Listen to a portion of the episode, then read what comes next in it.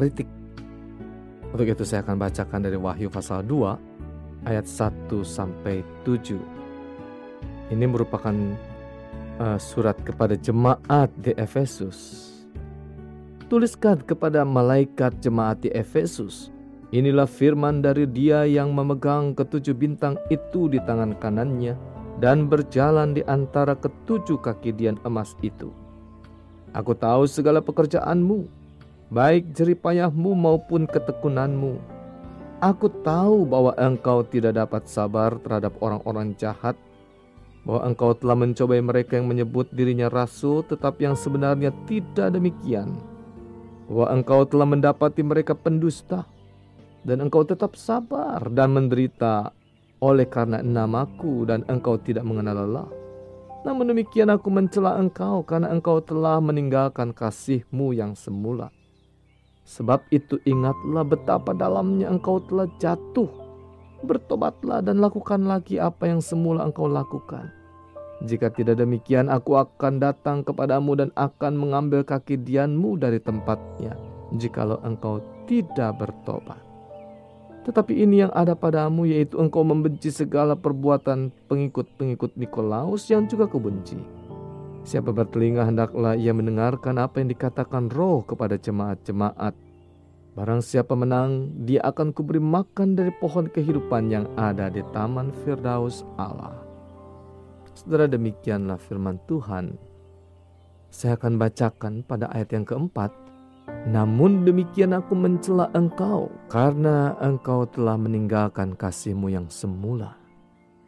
Saudara yang dikasih Tuhan, dalam hidup ini dikritik dan mengkritik atau dinilai dan menilai adalah hal yang umum bukan?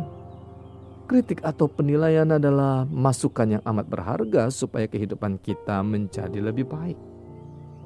Dalam kehidupan bergereja, Kritik dan penilaian juga amat penting agar kehidupan dan pelayanan gereja semakin lebih baik. Kritik bukan hal yang harus dihindari dalam kehidupan bergereja. Saudara, dalam bacaan kita pada hari ini adalah firman Tuhan yang ditujukan kepada umat Tuhan di kota Efesus. Kalimat penilaian yang padat, tajam, dan jujur ini padat karena isinya syarat dengan pesan yang penting. Ia bukan cuma basa-basi belaka seperti kebanyakan orang bila mengomentari itu. Kalau saudara-saudara suka menyaksikan di TV-TV acara-acara yang uh, ada komentatornya sering kali komentator itu hanya basa-basi saja.